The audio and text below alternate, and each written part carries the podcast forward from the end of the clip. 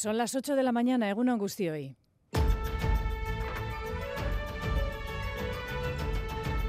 Crónica de Euskadi con Aichiber Bilbao. Hola, queridos niños, queridas niñas. Ay, estamos cansados. Creo que no nos hemos dejado ninguna. Juguetes, eh, patinetes, ha habido de todo, videojuegos, balones. Muy bien, os habéis portado muy bien. Ahora nos toca marcharnos de nuevo hacia el oriente y a preparar los Reyes Magos del año que viene. Hay que ser buenos.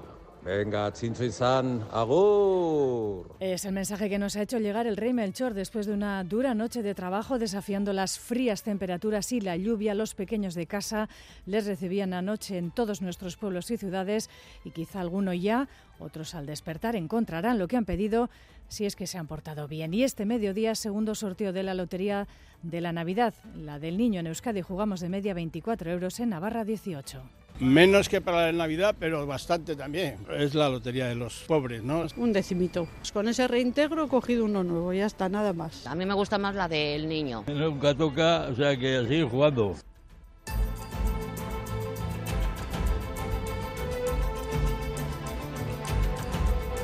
Y en clave política, Lenda Cariño Urcullo vino ayer a clarificar el panorama político en Euskadi después de semanas de jugar al despiste con la fecha de las próximas elecciones al Parlamento Vasco, recordando que la legislatura anterior habría finalizado en abril si no hubiera habido pandemia, con lo que él mismo apunta a ese mes de 2024 para cerrar su último mandato y llevarnos a las urnas. El deseo de cumplir con la legislatura que inicialmente de manera formal debía haber sido en abril del año, del año 2020.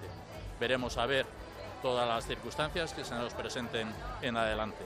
Euskadi por ahora no va a hacer obligatorio el uso de las mascarillas en centros de salud o hospitales debido al pico de contagios de gripe y COVID, pero sí lo recomiendan el lunes. En todo caso, reunión de las comunidades autónomas con el Ministerio de Sanidad que sí podría acabar generalizando su uso en dichos lugares. Esto nos decían ayer trabajadores y usuarios del Hospital de Basurto tanto como obligatorio no lo sé. Pues eh, me parece estupendo. Yo también la tengo aquí y si veo que hay mucha gente me la pongo. Para protegernos a los sanitarios y a los pacientes que vienen también de fuera, y encima hay mucha gente que, que viene con muchísima tos y está en la sala de espera sin mascarilla. Claro, no le podemos obligar porque no es obligatorio, pero que por favor que la ponga.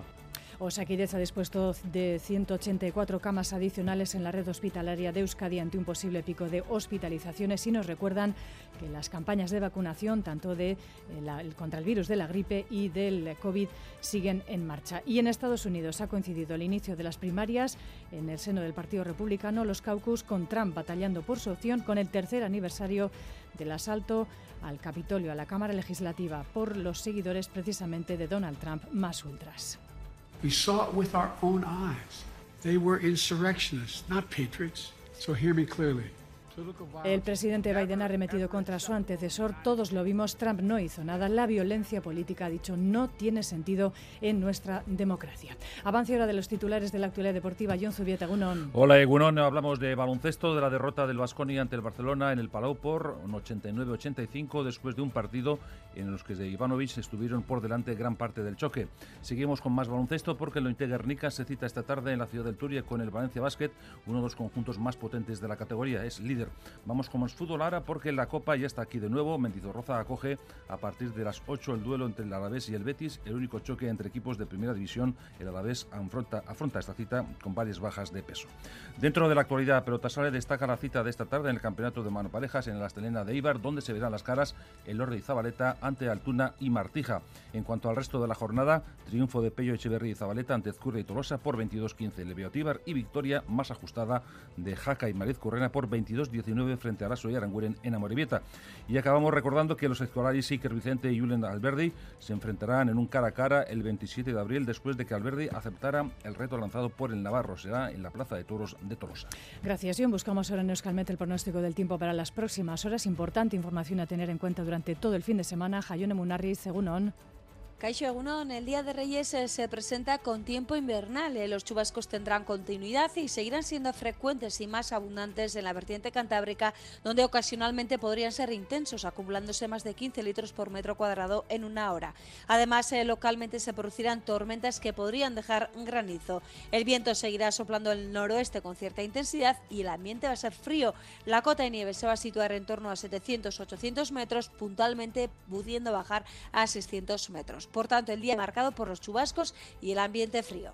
Recuerden que está activo el aviso amarillo durante todo este fin de semana. En varios puntos del territorio la temperatura está ahora mismo por debajo de cero, lo que puede generar, atención, placas de hielo en Lumbiera y ahora 2,9 grados bajo cero, en Isaba 1,6 bajo cero y en La Gran 1,4 bajo cero. Las temperaturas en las capitales eh, son ahora de 3 grados en Gasteiz, 4 en Donostia e Iruña, 7 en Bayona y 8 en Bilbao. En carreteras, dos salidas de calzada en Lauquiz, en la Vizcaya 2704, sentido Plencia, el vehículo está obstaculizando, hay una persona herida y en Trápaga, en la 8, dirección Cantabria, la grúa se encuentra en el lugar, según informa el Departamento de Seguridad del Gobierno Vasco. Reciban un saludo de la redacción de esta crónica de Euskadi fin de semana. En el control técnico coordinan Jorge Ibáñez y Aitor Arrizabal. Laga.